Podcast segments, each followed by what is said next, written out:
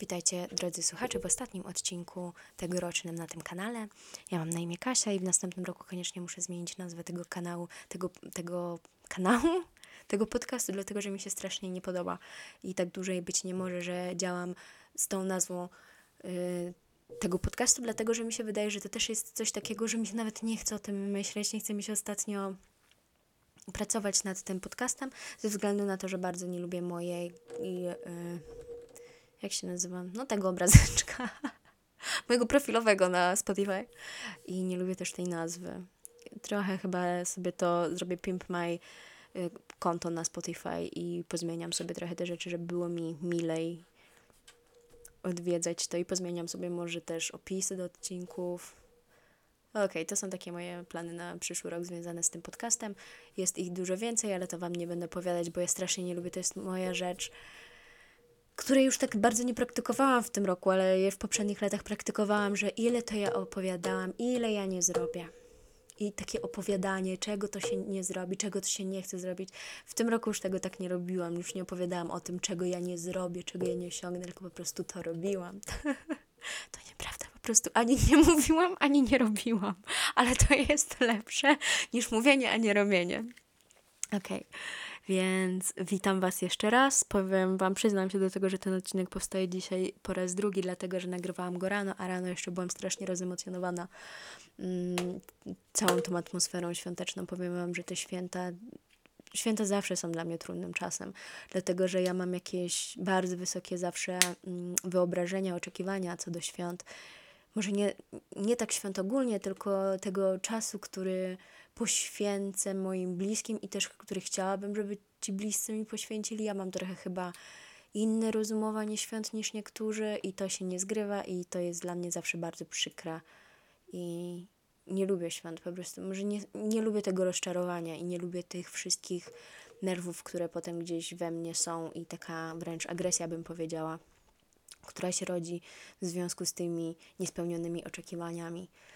I tak, i nagrywałam o tym, że ludzie nie potrafią doceniać mojego wybitnego barszczu czerwonego, który swoją drogą ja naprawdę, ja myślę, że to jest danie wybitne i tylko osoby z wybitnymi kubkami smakowymi są w stanie docenić to danie. Tak właśnie mówiłam rano. Teraz już daję sobie spokój z tym barszczem i z tymi ludźmi, którzy nie potrafią docenić tego dania, naprawdę.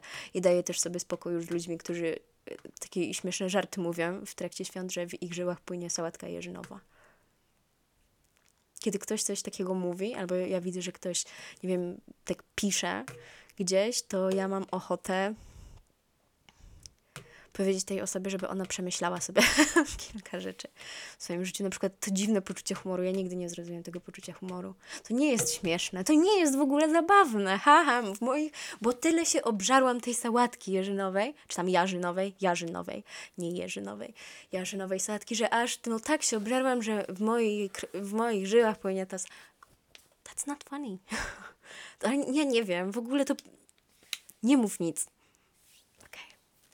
I znowu sobie przypomniałam, jak, jak, jak ja to jestem wściekła na święta i wszystko, co z tymi świętami związane, czyli karp i sałatka jarzynowa i ludzie, którzy nie mają za grosz rozumu i empatii.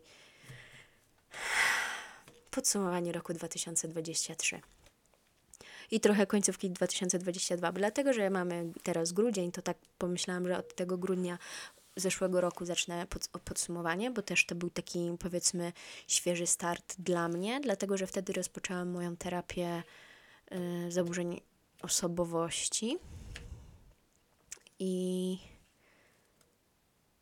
i od tego momentu tak postanowiłam, że zacznę. Zacznę moją opowieść. Nie będę Wam opowiadała dokładnie, co się działo miesiąc po miesiącu, ze względu na to, że pierwsze 6 miesięcy, czy tam 5, bo do końca maja tam byłam.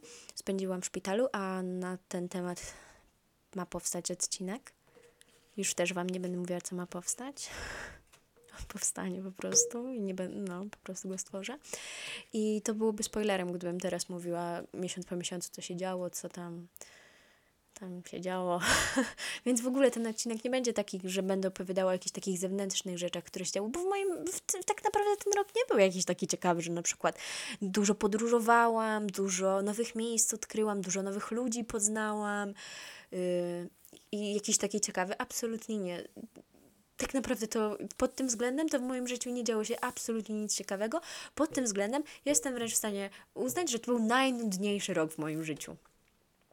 Ja, słuchajcie, do końca maja siedziałam w jednym budynku, chociaż no, no tam, no wiecie, to jest szpital psychiatryczny, to no, no nudno nie było, ale no no, w jednym pomieszczeniu. Ja do jednego miejsca, do którego chodziłam, to był sklep oddalony o 50 metrów i chodziłam tam tylko raz w tygodniu, a poza tym to ja przez pół roku nie widziałam auta jeżdżącego. Znaczy widziałam, ale tak po drodze zamkniętej, w sensie na terenie zamkniętym. Tak się mówi, zabudowanym, nie zamkniętym. Przepraszam, nie mam prawa jazdy. Yy, jeszcze. nie, no, mam takie półprawo jazdy, ok? Mam półprawo jazdy, tak zwane. Tak tutaj my mówimy na to. E, więc, więc tak, ta, tak wyglądała pierwsza połowa roku. Nie będę się tutaj y, rozwlekała na ten temat. Druga połowa roku to był ten czas, kiedy przeprowadziłam się z powrotem do Irlandii. Wróciłam do Irlandii po 6 latach, ale o tym też już wspominałam w poprzednich odcinkach. Jeżeli, jeżeli, jeżeli, jeżeli, jeżeli, jeżeli jeszcze o tym nie wiecie, no to ja polecam wam przesłuchać te poprzednie odcinki, są całkiem spoko. Tak wydaje mi się, że z każdego można coś wyciągnąć. Tak uważam. Yy, więc po tym moim powrocie do Irlandii tak naprawdę też moje życie było dosyć takie monotonne, bardzo systematyczne, wręcz takie, wiecie, monotonno-systematyczne. Każdy dzień wyglądał tak samo. To nie znaczy, że to było złe. To było dla mnie bardzo korzystne i fajne, ale no to nie będzie odcinek, w którym usłyszycie, jakich to ja crazy, fajnych rzeczy nie narobiłam w tym roku, bo nie narobiłam, ale opowiem Wam o jakichś rzeczach, które zaobserwowałam w sobie i takie były dla mnie dosyć nowe. Zaczynajmy. Zaczniemy od tego y, grudnia zeszłego roku, kiedy to właśnie to, to, były moje pierwsze tygodnie na oddziale. To, to jest w ogóle pełna nazwa tego oddziału, to jest oddział leczenia zaburzeń osobowości i nerwic. Mm, I spędziłam tam święta. Możecie się domyślić. I słuchajcie, tak jak teraz wspomniałam, że te święta były dla mnie, no, no niefajne, po prostu, no co będę owija, obwi, owijała w bawełnę, były niefajne. Tak tamte święta ja wspominam naprawdę dobrze. Przez to, że byłam w szpitalu, ja wiedziałam, że nie spotkam się z moją rodziną, że nie będzie to czas, który spędzę z bliskimi osobami, ba, wręcz spędzę z osobami całkiem mi obcymi. Y, będę pierwszy raz spędzę święta oddalona z daleka od domu. Nie dostanę prezentu, co jest oczywiście najważniejsze w świętach. Mm to mimo wszystko ja czułam taki wewnętrzny spokój. I właśnie może ze względu na to, że tak nie, nie czułam tej presji, nie miało mnie co rozczarować, bo to już z góry ja byłam, może nie byłam, absolutnie nie byłam rozczarowana moją sytuacją, ale nie miałam żadnych oczekiwań wobec tych świąt i wydaje mi się, że też taka różnica była, że ja jestem, ja mam nazwijmy to dwie rodziny, nawet nazwałabym to trzema rodzinami. Mam trzy rodziny i ja ze względu na to, że moje rodziny mieszkają w różnych krajach, ja zawsze, co roku z którejś rodziny musiałam zrezygnować. Ja nigdy nie patrzyłam na to pod tym względem, że ja którąś rodzinę wybrałam, tylko patrzyłam na to tak, że ja z którejś rodziny zrezygnowałam. I ten mój czas spędzania świąt to było też w dużej mierze skupianie się na tych osobach, przy których nie jestem i myślałam o tych osobach, których nie mam teraz przy sobie, zamiast skupiać się na tych, które ze mną są. Czy w tym roku tak było też również? Oczywiście, że tak nie nauczyłam się niczego. Ja nie jestem taką osobą jeszcze, yy, której takie. No nie wiem, jeszcze tak nie umiem. Chciałabym, wiecie, tak ja umiem to sobie w głowie powiedzieć, że okej, okay, doceń to, co masz, ciesz się tym, co masz teraz, a mimo wszystko ja dużą uwagę zwracam na to, czego yy, względem, jeżeli chodzi o ludzi, nie tak ogólnie o wszystko na świecie, bo raczej jestem wdzięczną osobą, uważam się za bardzo wdzięczną osobę, tylko że często właśnie myślę gdzieś sercem jestem z, tych ludzi, z tymi ludźmi, których przy mnie nie ma. No, a mimo wszystko wtedy właśnie, że byłam w tym szpitalu, nie było nikogo ze mną, to ja właśnie nie, może nie czułam, że w tym roku ja wybrałam kogoś over kogoś. Kogoś zamiast kogoś. Kogoś, no jakby, no, dobrze, no kogoś zamiast kogoś. Tylko wtedy no nie wybrałam nikogo, wybrałam siebie. Spędzam święta ze sobą i z obcymi ludźmi w szpitalu. I te święta były całkiem przyjemne, z tego co pamiętam. Wiecie, kiedy nie macie oczekiwań absolutnie żadnych, to wtedy cieszą was najmniejsze rzeczy. Tam w szpitalu, tak jak chyba w większości szpitali, nie wiem, chyba, nie wiem, nie wiem jak jest w innych szpitalach w sumie, my mieliśmy catering I i wtedy menu świąteczne było menu świątecznym, nie było takim jak w, przez cały rok, w inne dni tygodnia, tylko na przykład mm, tam dostaliśmy jakiegoś jednego yy, krokieta, jakieś takie rzeczy, tam każdy miał właśnie chyba krokieta, ileś pierogów, te pierogi były całym rokiem, ale no to i tak jakoś tak wiecie, wtedy cieszyło właśnie chyba barszcz, był jakiś pewnie z proszku i dostawało się go w takim plastikowym kubku. Ale wiecie, wtedy to mnie tak jakoś ucieszyło. Cieszyło mnie to, że jestem w gronie ludzi, z którymi jesteśmy razem w tym samym miejscu. Tak nie fizycznie, ale też mentalnie. Jesteśmy razem w tym samym miejscu. I to było ciekawe doświadczenie. To tyle, jeżeli chodzi o, o moją opowieść ze szpitala. Nie będę Wam więcej opowiadała. To tylko taki na razie mini spoiler. A i święta spędzaliśmy tak, że mieliśmy tam stołówkę i wtedy na okres świąt wszystkie stoły tak złączyliśmy, że normalnie słuchajcie, jak w Hogwarcie, w taki jeden stół i sobie tam siedzieliśmy, wiecie, w 40 osób i niektórym rodzina przywiozła jakieś ciasto na przykład na święta i sobie jedliśmy te ciasta, pierniki i różne takie. Naprawdę, ja ten czas wspominam bardzo dobrze, ale to nie tylko ten czas świąt, ja w ogóle cały mój pobyt tam wspominam bardzo dobrze. Ja czasami sobie myślę, wiecie, to jest tak jak po, może to będzie głupie porównanie, ale jak czasami po wakacjach, wiecie, jesteście na wakacjach i o, jest okej, okay, ale ja często mam tak, że, jest, że ja dopiero po tych wakacjach, jak jestem już w domu, to ja potrafię docenić to, jak tam było super. Okej, okay, ja wiem, że to jest bardzo, może nie, nieodpowiednie porównanie, porównywanie wakacji do pobytu w szpitalu, ale im więcej czasu mija od tego, kiedy ja tam byłam, tym ja jeszcze coraz milej wspominałam sobie te czasy, naprawdę. To, to był wspaniały czas w moim życiu. Pierwsza połowa roku, mimo tego, że była też momentami bardzo dla mnie trudna, to był wspaniały czas, z którego wyciągnęłam największą lekcję. Lekcję, no po prostu terapia. Terapia, która dała mi bardzo dużo. Przede wszystkim dała mi możliwość spędzeniu, spędzeniu, spędzenia czasu ze sobą. Już chyba o tym wspomniałam, że to był czas, kiedy miałam to był czas, kiedy miałam czas. To był czas, kiedy miałam czas skupić się tylko i wyłącznie na sobie. Tak jak na terapii. To bywa. Troszeczkę się zagubiłam, przepraszam, zapatrzyłam się w księżyc, bo dzisiaj spełnia w raku. A zgadnijcie, jaki mam znak zodiaku. Jestem rakiem i to jest ostatnia pełnia w raku przez jakiś czas, bo w 2024 nie będzie pełni w raku. Więc daj, muszę się troszeczkę nim nacieszyć. I to jest idealny czas na manifestację. I słuchajcie, no, taką manifestację walnęłam, że, że rzeczy będą duże. Rzeczy będą duże w 2024 i nie będzie to moja dupa. Tylko będą inne duże rzeczy. mój, mój portfel i co? I dużo innych rzeczy. Okej, okay, dobra, przepraszam, troszeczkę się zagalopowałam, więc tak. Pierwsza połowa roku podsumowałabym ją tak, że był to czas, który poświęciłam w 100% sobie.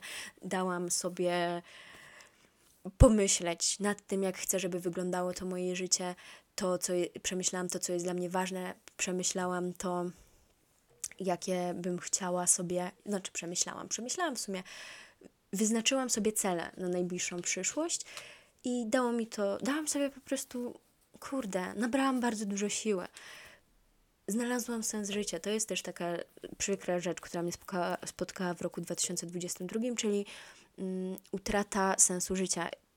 Może to jest dla kogoś dziwne. Dla mnie to jest dziwne nie mieć sensu życia i nie zastanawiać się nad tym sensem życia, bo od kiedy, od kiedy ja sięgnę pamięcią, nawet jak byłam dzieckiem, ja od zawsze myślałam nad sensem życia, zawsze myślałam też o nie tylko sensie życia, ale w ogóle o śmierci, o sensie, sensie Myślałam, po prostu myślałam.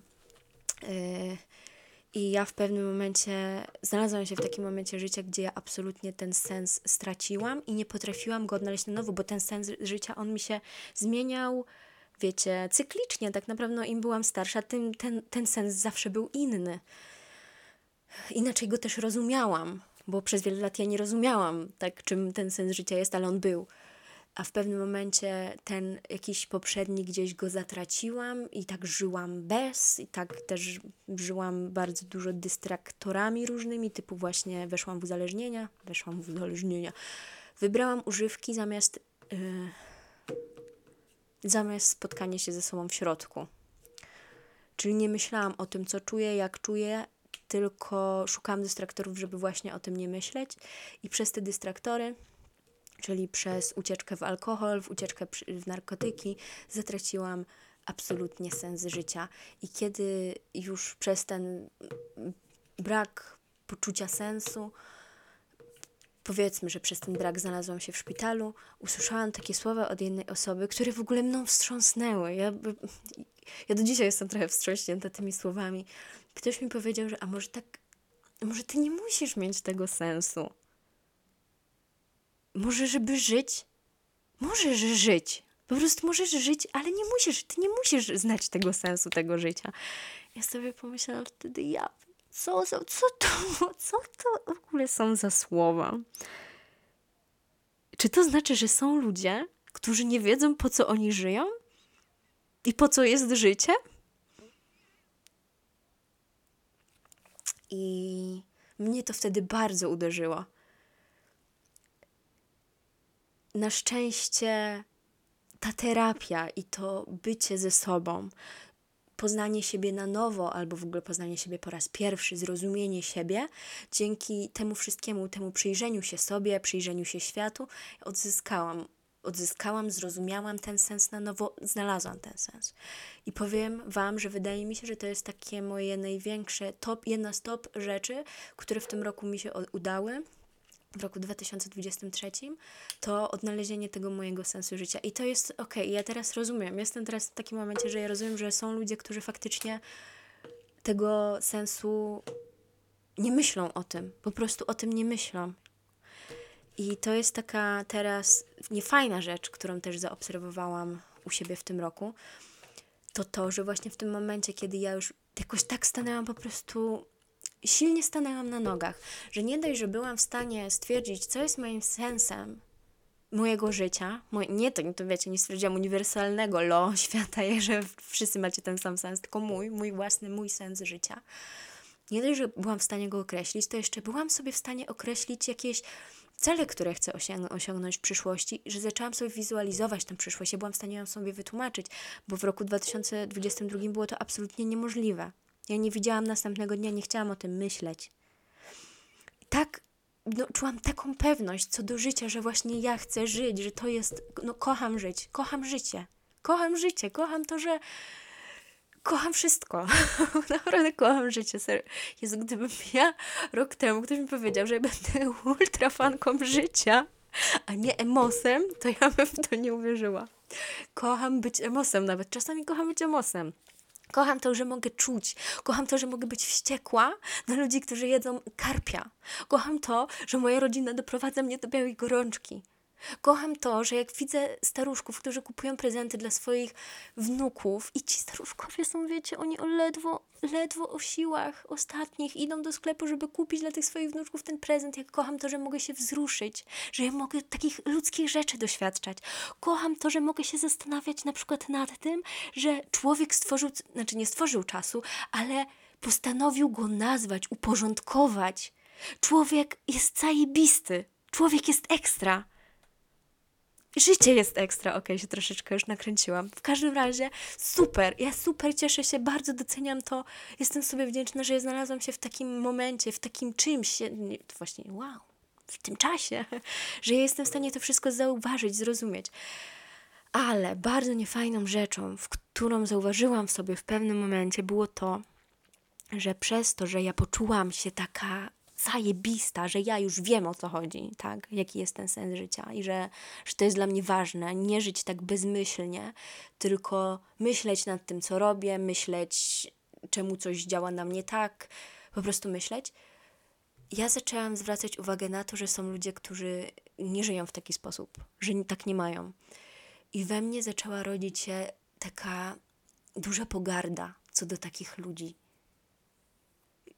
pogarda taka połączona czasami ze złością, że ja sobie zaczęłam myśleć, że są ludzie, którzy na przykład są w relacjach i oni nie wiem, nie, nie myślą. Na przykład, czemu oni na przykład są z tą osobą? Czemu z tą osobą tworzą jakąś relację? Nie wiem, jak wam to teraz wytłumaczyć, ale że na przykład są osoby, które rano wstają, idą do pracy, robią tak wszystko automatycznie i nie mają myśli to jest obrzydliwe, co ja myślę. A niech sobie tak żyją. A nie, co mnie to w ogóle, co mnie to obchodzi? Wielka myślicielka XXI wieku odkryła sens życia i czasami, że można sobie popłakać i się pośmiać, haha, życie, kocham życie, a wszyscy tak nie myślą, no to po prostu idioci, idioci, ona jest lepsza od nich. To jest obrzydliwe. To jest obrzydliwe, że ja tak myślę. No myślę, czasami mi się zdarzy, no nie będę was oszukiwać, że we mnie jest jakaś taka właśnie, zrodziła się pogarda do tych osób, że ja w pewnym momencie poczułam się lepsza co nie jest okej. Okay. Bo to jest. Jestem inna, ale to nie znaczy, że jestem lepsza. Bo ktoś taki może powiedzieć, ok, a po co ty tak rozmyślasz, co ci to daje? To jest bardzo duża strata energii, bo ja moje myśli, jestem nadal często bardzo zero-jedynkową osobą, że ja nie, nie mam tak, że pomyślę. Ja czasami się bardzo zafiksuję na, jakiejś, na jakimś temacie, na przykład analizowaniu czegoś. Bardzo dużo analizuję i ktoś może pomyśleć, i po co tak analizujesz? Po co? Po prostu żyj. A po co się zastanawiać, czemu ta osoba powiedziała teraz do mnie to? A ja często tak właśnie miałam w tym roku, że spotykałam jakieś osoby, które nie wiadomo z jakiego powodu były dla mnie obrzydliwe. Ja nie znam tych osób. obce mi całkiem osoby, a traktowały mnie po prostu jak śmiecia. I już wtedy wiecie.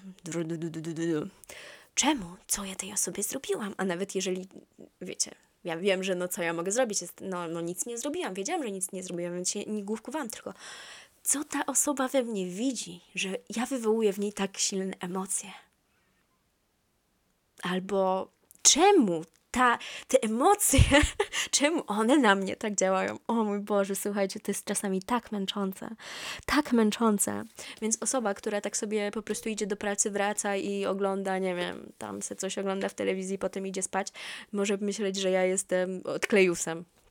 I po co tyle? I co mi daje tak naprawdę to myślenie? No nie wiem, no ja to po prostu czuję, że ja jestem, no mówię wam, dawno poza tym Matrixem.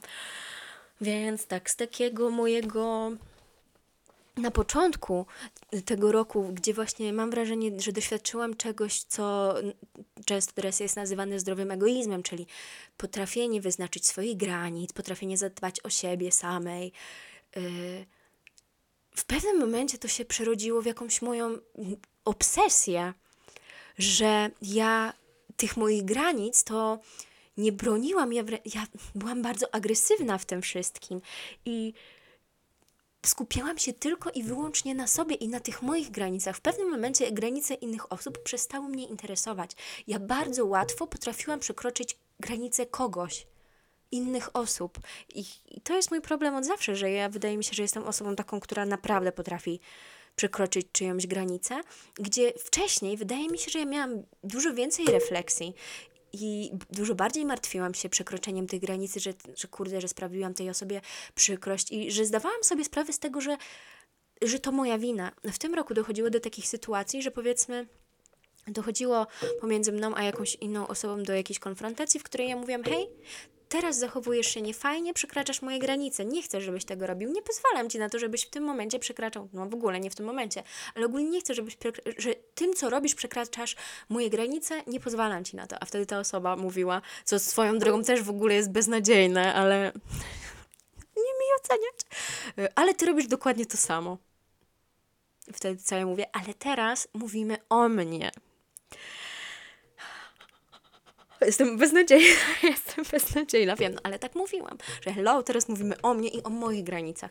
I wiecie, ja rzadko kiedy miałam tak, żeby zastanowić się, kiedy już ktoś mi zwracał uwagę na to, że ja przekraczam jego granice, co nigdy nie było jakby z jego inicjatywy, tylko to było odbicie piłki, że ja mówiłam, że ty przekraczasz moje granice, hej, a ty też przekraczasz moje. Ja nie miałam przez sekundę takiej myśli, że okej, okay, kurde, naprawdę ja przekroczyłam, to nie, nie fajnie, nie fajnie z mojej strony, tylko u mnie od razu w głowie pojawiało się to, że skoro ja teraz mówię o moich granicach, to ty wtedy powinieneś mówić o swoich. I to jest Twoja odpowiedzialność, żeby siebie bronić. Czyli jak ja Cię biję, to nie jest moja wina, że ja Cię biję, że Cię podeszłam skopać, albo nie wiem, pobić Cię ogólnie. To jest Twoja wina, że Ty gardy nie trzymałeś. To Ty masz o siebie zadbać. ja o siebie dbam i właśnie w moim, w pewnym momencie byłam strasznie zafiksowana na temat obrony własnej siebie. I ta moja obrona, już wam mówię, że była strasznie taka agresywna, że wszystko to było przekraczanie moich granic w, w, pewnym momencie. Takie, że nawet jeżeli ja tego nie werbalizowałam, to bardzo to odczuwałam, że o nie, ta osoba znowu przekroczyła moje granice. Tutaj znowu muszę postawić stop. I to jest taki, wydaje mi się, że efekt uboczny yy, psychoterapii, spory taki efekt uboczny, że możemy się na tych swoich granicach zafiksować, jednocześnie nie, nie, nie szanując granic tych innych osób. I to jest rzecz, którą zauważyłam w sobie w tym roku, gdzieś zagubienie mojej empatii. Ze względu na za duże skupienie się na sobie. Dużo myślałam o winie i chociaż powstał odcinek o tym, o właśnie tej winie. jak, jak on się nazywa? Coś tam wszystko do wina naszych rodziców. Polecam odsłuchać. Yy, to ja tak w celu bronienia siebie cały czas, to ja mam wrażenie, że aż się czasami za bardzo doszukiwałam. Żeby wiecie, żeby przypadkiem ktoś mnie nie skrzywdził minimalnie, to ja stawi- no, tak się broniłam, że aż, że aż chyba za bardzo, naskakując tym samym na innych często. Strasznie pyskata jest, no ale no to zawsze byłam. to, nie jest, to nie jest nic nowego, że, że jestem taka. Nie jestem cicha. I, i tak, i tak. Coś jeszcze dobrego się w tym roku wydarzyło. Czekajcie, muszę sobie wyciągnąć mój notes. Jest niestety ciemno, muszę sobie tutaj chyba telefonem przyświecić zaraz. Mam notes, w którym zapisuję wszystkie najważniejsze rzeczy. Trzy strony są tam zapisane, nawet pewnie nie. Ok, mamy tutaj odcinek dziesiąty, podsumowanie. O, na przykład zaznaczyłam sobie tutaj, że w styczniu byłam chora, a to jest ciekawe. Miałam wtedy, przechodziłam jakąś taką grypę i możecie uznać, że to jest moje jakieś foliarskie gadanie, ale oczywiście to nie jest foliarskie gadanie, to są fakty. Jeżeli ja coś mówię, to są fakty. To żart, jakby ktoś nie wiedział. Y, to był ostatni raz, kiedy byłam chora. Ja jestem osobą, która od dziecka chorowała cyklicznie, jeżeli na przykład ja zawsze byłam chora w, w okresie, nie wiem, w jakimś tam, zawsze byłam chora a jeżeli mnie znaliście przez ostatnie lata, wiecie, że ja mnie męczył chroniczny kaszel. Ja miałam non-stop kaszel. I słuchajcie, ja od roku nie kaszlę. Ja od roku nie byłam chora. I uważam, że to jest zasługa tylko i wyłącznie psychoterapii. Mówcie co chcecie, mów, myślcie co chcecie, ale ja uważam, że moje choroby były po prostu w mojej głowie, a najbardziej to właśnie mój kaszel. Może też Wam kiedyś o tym szerzej opowiem, ale ja od dziecka mnie męczyły. Yy, dusz, po prostu dusiłam się na tle nerwowym, że kiedy się czymś bardzo zdenerwowałam, to miałam takie, takie duszności, że aż dochodziło, jeżeli jecie, to przestańcie, teraz powiem coś obrzydliwego, dochodziło do wymiotów.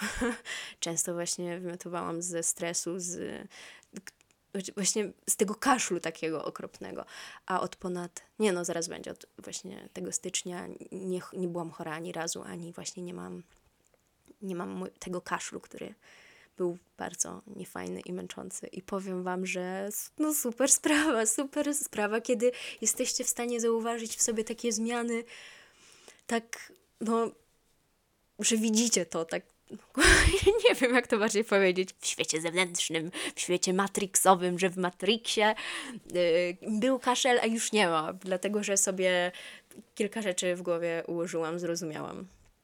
Okej, okay, coś jeszcze tutaj mam napisanego.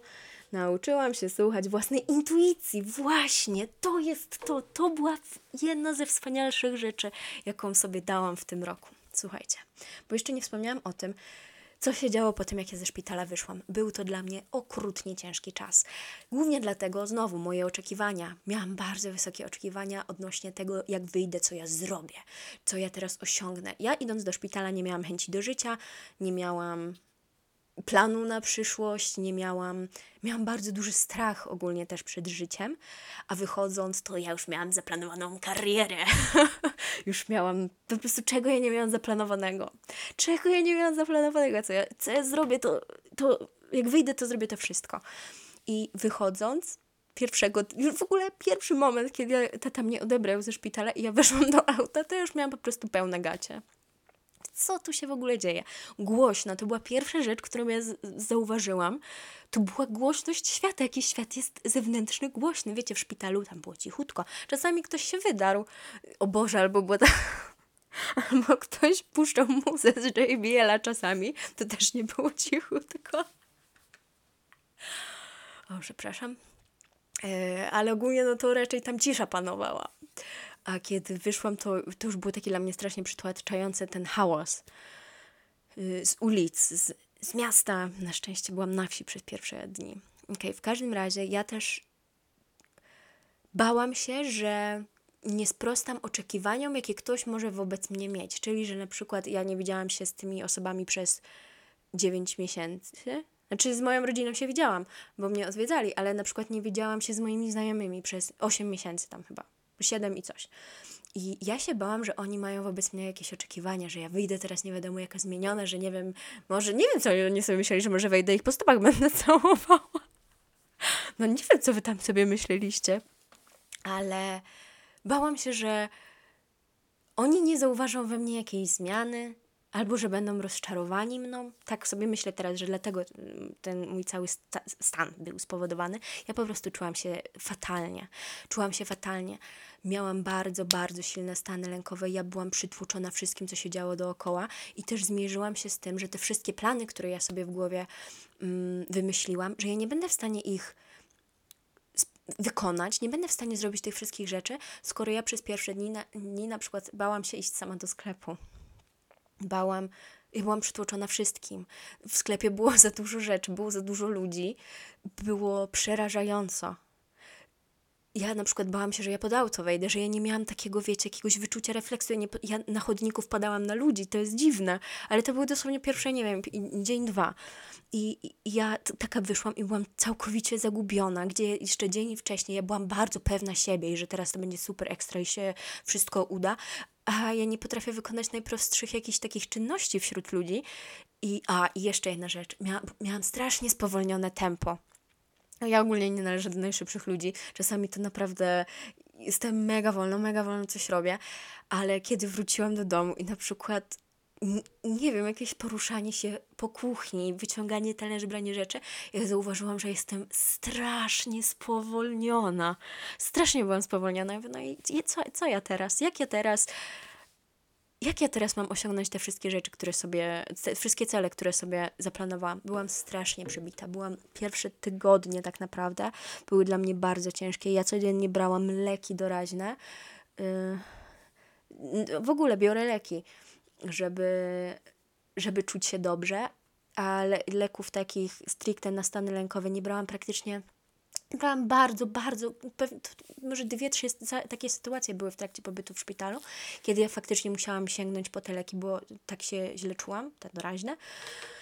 A po wyjściu ze szpitala ja je chyba brałam codziennie przez właśnie kilka tygodni, dlatego że w ogóle sobie nie radziłam na zewnątrz. Było mi tak źle. Ja będąc w pomieszczeniu z najbliższymi dla mnie osobami, ja się czułam, jakby zaraz miało się stać po prostu coś naj, najgorszego. To jest najgorsze w stanach lękowych, że kiedy w nich nie jesteście, jest wam ciężko w ogóle sobie wyobrazić, jak to, jak, jak można się tak czuć.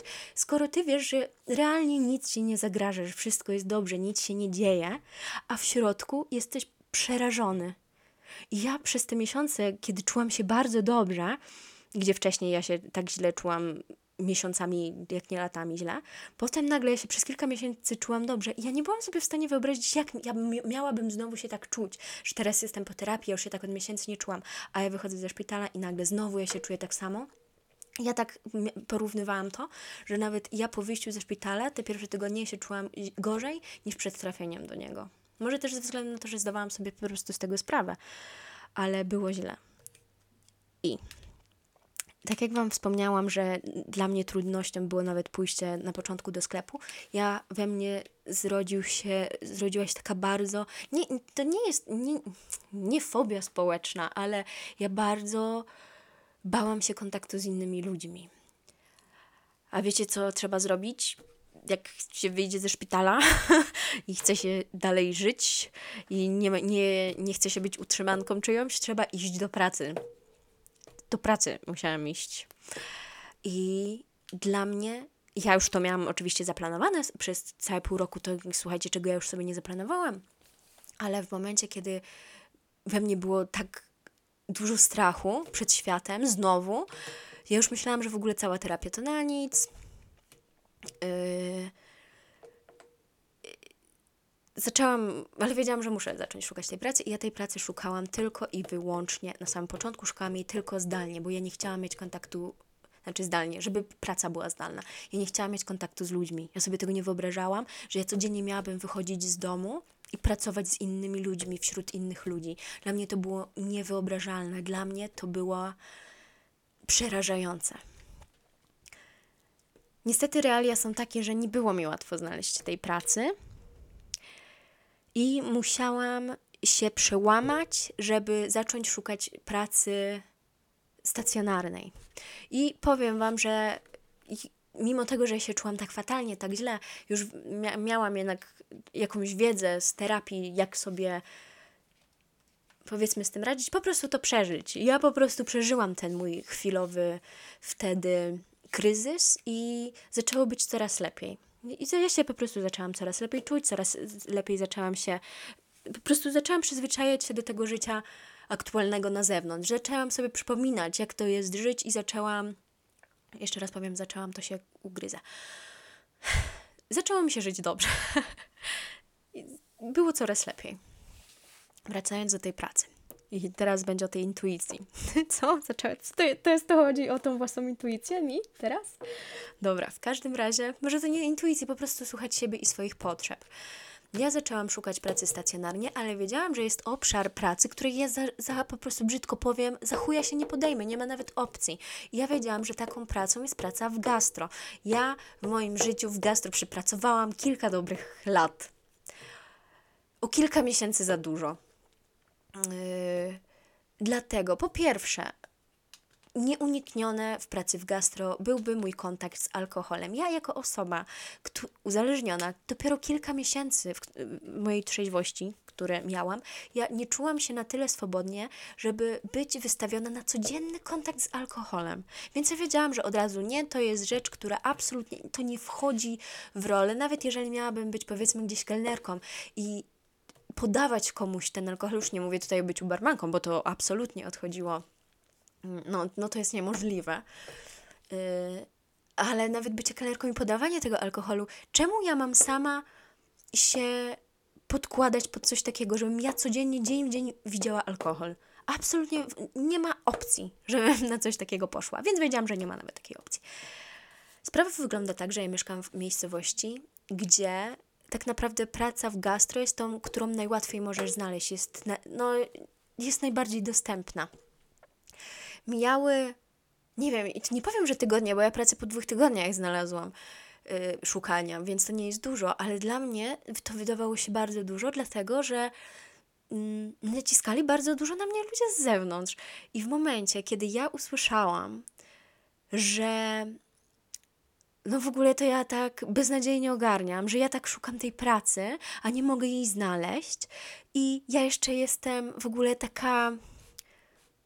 No w ogóle za kogo ja się mam, skoro ja potrzebuję pracy, a ja jeszcze jestem wybredna? Kim ja w ogóle jestem? Żeby jeszcze wy wybredzać, że do gastra nie pójdę. Ja usłyszałam takie słowa and I was like, ho, ho, ho. Ja nie muszę się nikogo tłumaczyć, nikomu tłumaczyć z tego, że ja dbam o siebie i i nie będę robiła czegoś na siłę, bo powiem Wam, że kilka lat wcześniej, to było chyba trzy lata wcześniej, yy, ja zostałam ja zostałam zmuszona do pracy w jednym miejscu, w, właśnie w gastro i ja nienawidziłam tamtej pracy. Ja wychodząc stamtąd płakałam, dosłownie ja płakałam, bo ja, nie dość, że ja tam płakałam, to jeszcze po tej pracy płakałam. Idąc tam miałam y, ścisk w żołądku, żygać mi się chciało i ja wtedy usłyszałam od jednej osoby, że że w ogóle co ja przeżywam, że takie jest dorosłe życie, że pracy to się, ty, ty nie masz lubić pracy. Ty, w pracy to się zarabia pieniądze. I w, w, jaka ja w ogóle jestem bezczelna, roszczeniowa, że co mi się w pracy coś nie podoba? Ważne, że mi płacą. Ja pierdolę, jak ja się... Wiecie, jak... Przepraszam. Wiecie, jak mi to wtedy na banie weszło? Ale nie w takim kontekście, że ja to przyjęłam mówię, kurde, tak chyba musi być. Może chociaż trochę tak, skoro ja potem się bałam podjąć pracy, skoro ta praca dorosła jest taka ciężka, ale ja poczułam aż takie po prostu no, może obrzydzenie to za duże słowo co do tej osoby, ale takie, jak ty dorosła osoba w ogóle możesz tak myśleć? Że pracy to nie trzeba lubić. Trzeba lubić, trzeba robić wszystko w życiu, co się lubi. A ktoś, kto mówi, że życie to nie bajka, że no to ja wam współczuję. Ja tak nie uważam. Ja właśnie uważam, że życie to jest bajka i wszystko to jest nasz wybór. O tak, powiedz to matce z małymi dziećmi, która yy, coś tam nie ma innego wyjścia. Nie znam takiej matki. Nie znam, nie wiem, nie wiem, ale ja nie uważam, że. Może to jest obrzydliwe, co ja teraz mówię. Nie wiem, może jest to, może nie, ale ja nie uwa- Dla mnie wszystko jest. Tak naprawdę jest naszą decyzją. Ja wtedy mogłam iść do innej pracy, mogłam poszukać gdzie indziej, ale ktoś mi wtedy wmówił, że nie, to jest normalne. Jest źle i to jest normalne, ty się po prostu do tego y, przyzwyczaj, albo jak ktoś mówi, że po prostu zagryź zęby. Dlatego mam bruksizm. Bo tak zagryzam zęby od nastu lat. To jest największe gówno, które ktoś wam może powiedzieć. Chyba kiedyś nagram odcinek pod tytułem Największe gówno, jakie usłyszałam. Okej. Okay. Ale to będzie długi i długi odcinek. Hihi, super. Dobra, słuchajcie. Yy, I tak, ja właśnie kiedyś usłyszałam, no, że, że ta praca to jest takie, tam się musisz męczyć. I w tym roku, kiedy ja tej pracy szukałam, ja mówię, nie, nie, nie, ja nie, ja przez pół roku uczyłam się tego, że ja mam sama o siebie zadbać, że to właśnie ja sobie tworzę moje życie. Żeby teraz ktoś mi z zewnątrz mówi, idiotko, idź do jakiejkolwiek pracy, nie, nie ogarze debilu, co pracy nie potrafi znaleźć, idź se, pracuj właśnie za tym barem, zarabiaj jakiekolwiek pieniądze. I was like, no nie, nie, nie, nie, nie, ja nigdzie nie będę szła, ja słucham siebie, słucham swojej intuicji, słucham, opiekuję się sobą. I ja znajdę miejsce w takim, znajdę pracę w takim miejscu, gdzie ja będę czuła wewnętrzny spokój i ja nie będę dostawała sraczki rano przed pójściem do pracy. I wiecie co? Kilka dni później znalazłam pracę w, uważam, że idealnym miejscu. Pracuję w miłej atmosferze. Okay, czasami znajdziesz jakiś debil, co łbem trzęsie i gada głupoty. Co... Od czasu do czasu, ale staram się z tym żyć, jest. Okay. Ale naprawdę to jest taka jedna z rzeczy, którą bardzo, za którą bardzo sobie dziękuję, że ja wtedy, kiedy zostało na mnie po prostu, kiedy byłam najechana z czymś, że ja wtedy nie byłam jak, o mój Boże, faktycznie jestem beznadziejna, pójdę gdziekolwiek, żeby ta osoba nie myślała o mnie, że jestem beznadziejna, kupam jak znam, wiem czego chcę, po prostu wiem czego chcę, a przede wszystkim wiem czego nie chcę. I posłuchałam się siebie i, i podjęłam dobrą wtedy decyzję nie, nie szukając pracy w gastro, to w ogóle każda osoba pracująca w gastronomii powinna zostać objęta. O Jezu, to jest, to jest mój Ralf Kamiński moment. Nie każda osoba pracująca w gastro powinna zostać objęta darmową opieką psychologiczną. Oczywiście żartuję, każdy człowiek, nie tylko, nie tylko człowiek pracujący w gastro, nawet ci artyści może też. No, to tyle by było, co, co tutaj jeszcze sobie wpisałam fajnego y, w moim notatniku. Wprowadzenie systematyczności. Słuchajcie, nie mam za grosz pomysłu, co ja wtedy, o jaką systematyczność. Nie no, chyba chodzi o to, że może wcześniej moje życie było jednym takim wielkim chaosem i to też było bardzo spowodowane przez uzależnienie, imprezki i ogólnie takie, takie. Moje życie to był chaos, a w tym roku naprawdę moje życie jest jest bardzo proste. Nie, w moim życiu w tym roku jest bardzo mało dystraktorów. Jest bardzo dużo skupiania się na tym, co czuję, jak się czuję i to. I to jest fajne. nie ma tego, że okej, okay, czuję się beznadziejnie, to idę sobie spędzić czas z kimś, żeby o tym nie myśleć, albo idę sobie teraz do pubu, żeby sobie o tym nie myśleć, tylko jeżeli się czuję źle, daję sobie być ze sobą wtedy, kiedy czuję się źle lokalizuję sobie to w moim ciele, gdzie to jest, gdzie się tak źle czuję i wiecie, ogólnie za dużo myślę. Nie, ale, ale fajnie, fajnie, fajnie, systematyczność, zen i takie tam. I ja nie mówię, że tak będzie całe moje życie. Ja uważam, że nie. Ja już uważam, że 2024 wchodzimy na pełnej na pełnej no kurwie. nie wiem, jak zastąpić to słowo, że już nie będzie taki ja myślę, że 2024 to już będzie, uhuhu, mówię Wam, ta manifestacja, jeżeli to się wszystko wydarzy, to będzie, będzie dużo się działo w tym świecie zewnętrznym, co nie oznacza, że świat wewnętrzny zostanie zaniedbany. No co, podsumowując, tak podsumowując już na koniec, Cieszę się, że dałam sobie tę szansę, żeby skupić się na sobie, żeby się sobie przyjrzeć, żeby uporządkować to moje życie, żeby znowu odnaleźć ten sens i żeby wiedzieć, po co tutaj jestem. I żeby wiedzieć też, że czasami jestem głupią rurą, bo jestem głupią rurą. Ja naprawdę jestem tak beznadziejną głupią rurą czasami, taką wredną, niewdzięczną. Ja, mm, no głupia rura. to jest podsumowanie tego roku. Jestem głupią rurą. Ale no jestem, jestem. Czy to był najlepszy rok w moim życiu? Myślę, że nie, że to absolutnie nie był najlepszy rok w moim życiu. Był, żaden nie był najlepszy, każdy był inny. Każdy był inny. Ciężko mi ocenić, który rok w moim życiu. No, że nie wiem, pewnie 95. Bo nie żyłam wtedy.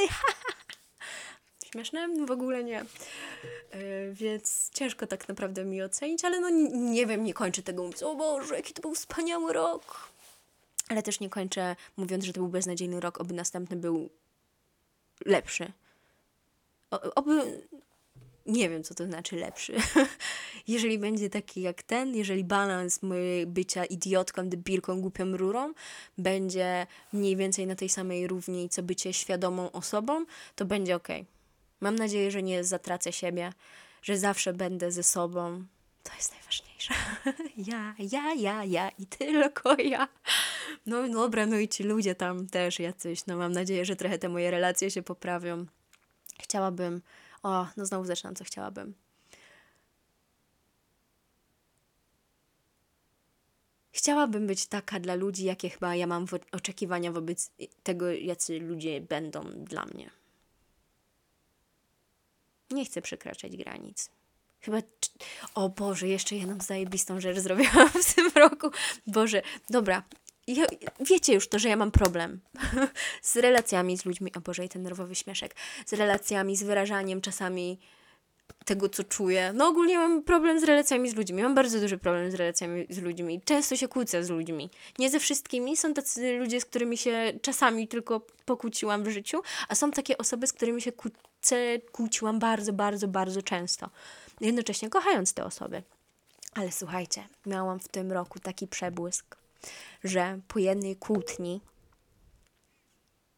Zamiast zastanawiać się nad tym, czego nie. Na przykład często po kłótniach ja zastanawiam się nad tym, co ta osoba mi powiedziała. I tak wiecie, jeszcze bardziej się nakręcam, że co ta osoba mi powiedziała, jak w ogóle mi tak ta osoba mogła powiedzieć, co ta osoba mi powiedziała. Albo w tą drugą stronę myślę, a co ja mogłam jeszcze? Mogłam jeszcze tutaj bardziej zrostować, mogłam jeszcze to wypomnieć, mogłam jeszcze to powiedzieć, mogłam jeszcze. A w tym roku, to było kilka tygodni temu, miałam jakiś przebłysk i tak sobie zaczęłam myśleć, że po tej, po, po tej kłótni, po tych wszystkich słowach, które padły, które były obrzydliwe bardzo, to była taka jedna z tych, wiecie, poważniejszych kłótni, zaczęłam się zastanawiać nad tym, co ja powiedziałam. Co ja powiedziałam i co mogło tej drugiej osobie sprawić przykrość. I to był pierwszy raz, kiedy ja po kłótni nie miałam tak, że się jeszcze bardziej nakręcałam na tą osobę,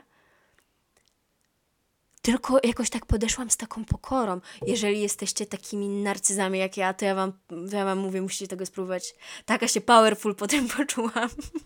Ja, jaka ja jestem, jaka jestem dobra, jaka ja jestem dobra. Pomyślałam po prostu o uczuciach innej osoby i o tym, jaką jestem rurą ja czasami. No, mówię wam, to było takie zmieniające moje, moje podejście co do kłótni.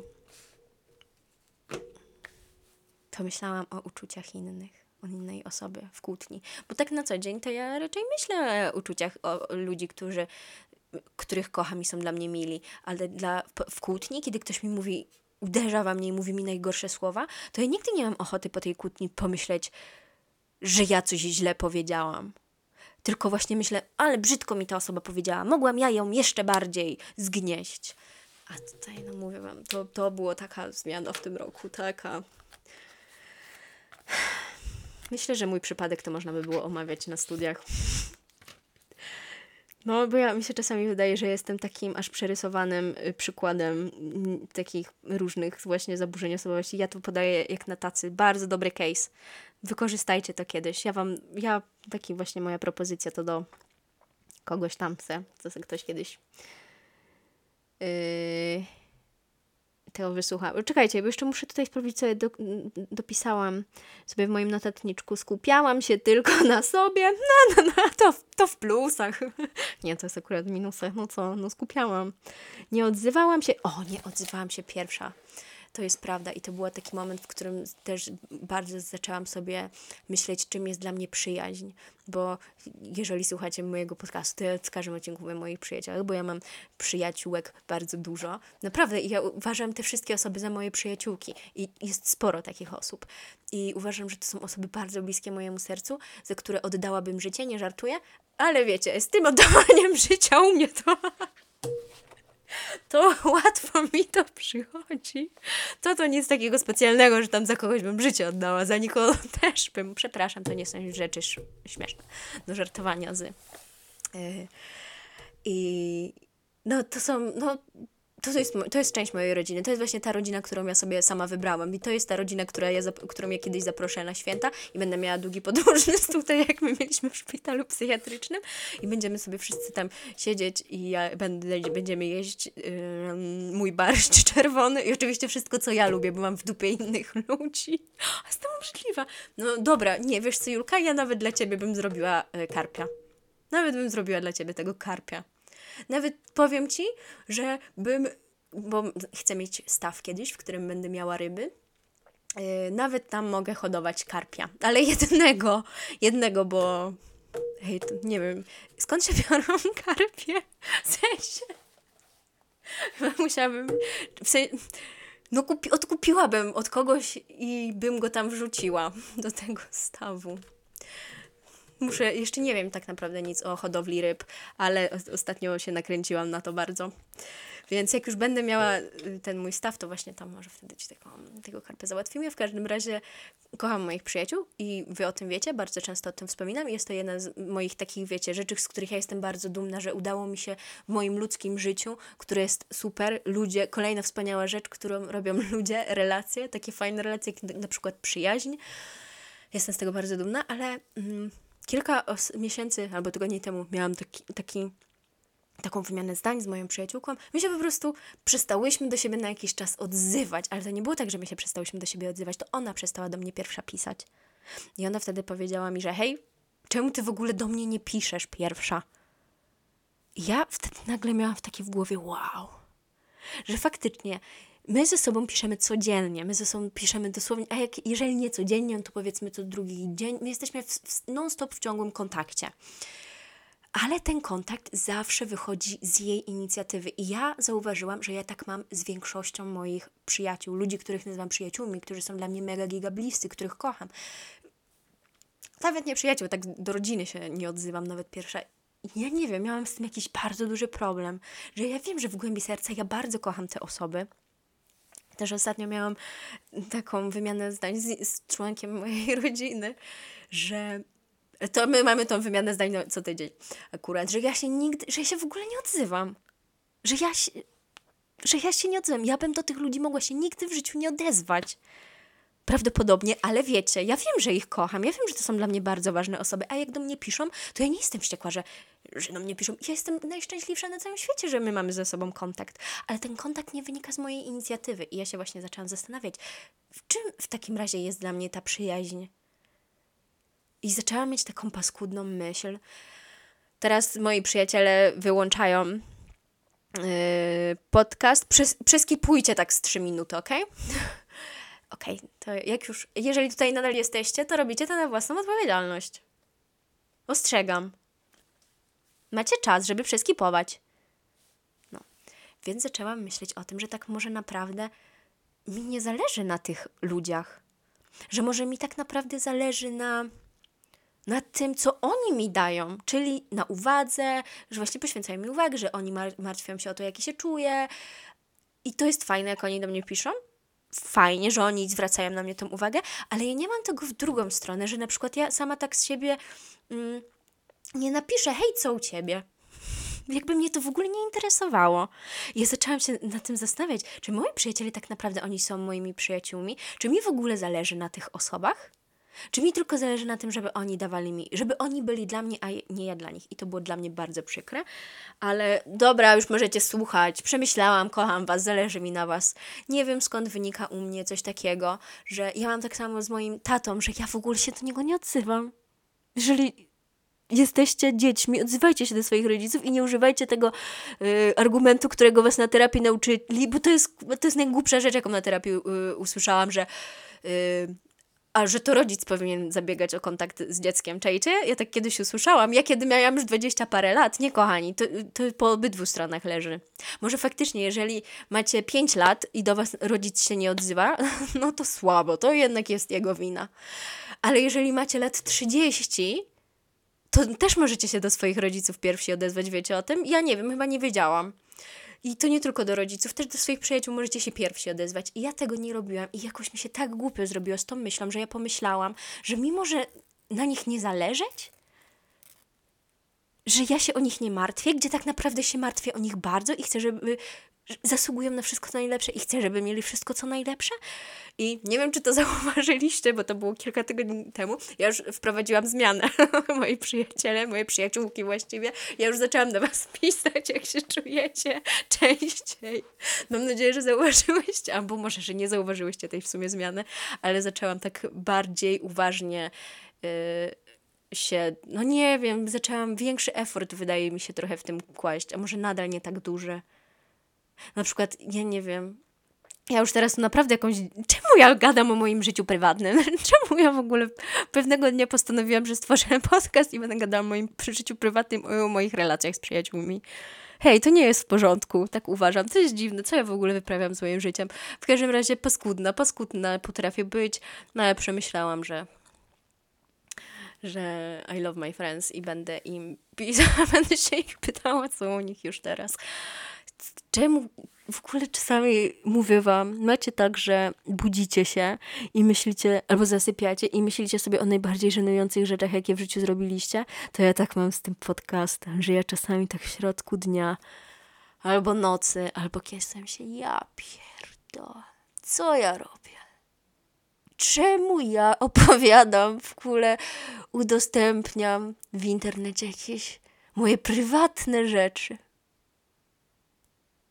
w sensie, a bo jestem człowiekiem. I to jest właśnie fajna część ludzkości, że sobie mogę robić wszystko. I ja sobie, w moje sumienie oceniło, że to jest ok, i ja sobie to robię. I jest fajnie, a potem czasem ja... No i tak, ja tam. I to chyba było wszystko. To chyba by było na tyle dzisiaj. Słuchajcie, przez ten czas, kiedy tutaj siedzę, minął huragan, bo jak zaczynałam nagrywać, to była jeszcze burza, co jest bardzo rzadko spotykane w Irlandii, prawie nigdy. Była burza i był grad. A teraz już jest dobrze wszystko. Pięknie świeci ten księżyc, pięknie, ostatni. Mam nadzieję, że nie w moim życiu. Taki piękny, piękna pełnia wraku. yy, dobra, to wiecie, kiedy się słyszymy? Haha, w następnym roku. Ha, ha, ha, ha, ha, ha. To jest lepszy żart niż od tej krwi. Znaczy nie od krwi, o, o tej sałatce w żyłach. To jest dużo lepszy żart, że widzimy się za rok. To jest, to on coś w sobie ma jakąś ikoniczność. Dobra, to słyszymy się wtedy za ten rok następny i chciałabym Wam, bo chyba nie składam, no na pewno Wam nie składałam życzeń świątecznych i nie życzę Wam tylko na święta, żeby, nie wiem, tylko, albo że na następny rok, w ogóle tak ogólnie w życiu, to życzę Wam takich ludzi wokół mnie jak ja, wokół mnie, wokół Was. Nie, już przestań pajacować, przestań. Żebyście żeby pożyli trochę sami ze sobą, żebyście się poznali, żebyście czasami pomyśleli o, o tym, co wy czujecie, ale też, żeby spojrzeli, żebyście spojrzeli na innego człowieka, na bliźniego i czasami też się zastanowili, jak on się czuje, co wy robicie, że on, że, że on się czuje w jakiś sposób. Myślmy. Ja myślę, że to jest bardzo fajna rzecz, że możemy myśleć. Możemy poddawać coś analizie korzystajmy z tego, że jesteśmy istotami myślącymi. A osoby, z które tego nie korzystają, powinny iść do więzienia. Tak uważam. Trzymajcie się. Pa! No i bądźcie szczęśliwi. Jak najczęściej. Ale smutni też. Pozwalajcie sobie być smutni, bo to jest piękna część ludzkości. To kolejna, która kocham. Cała gama, cała gama emocji, którą fajnie jest przeżywać. Poczekajcie trochę chwilę, jeszcze poczekam, żeby była równa godzina. Więc przeżywajmy wszystko. Żyjmy, po prostu żyjmy. I wiecie, że sensem życia może być samo życie? Ale to nie jest mój sens życia. Mój to jest kiedyś wam!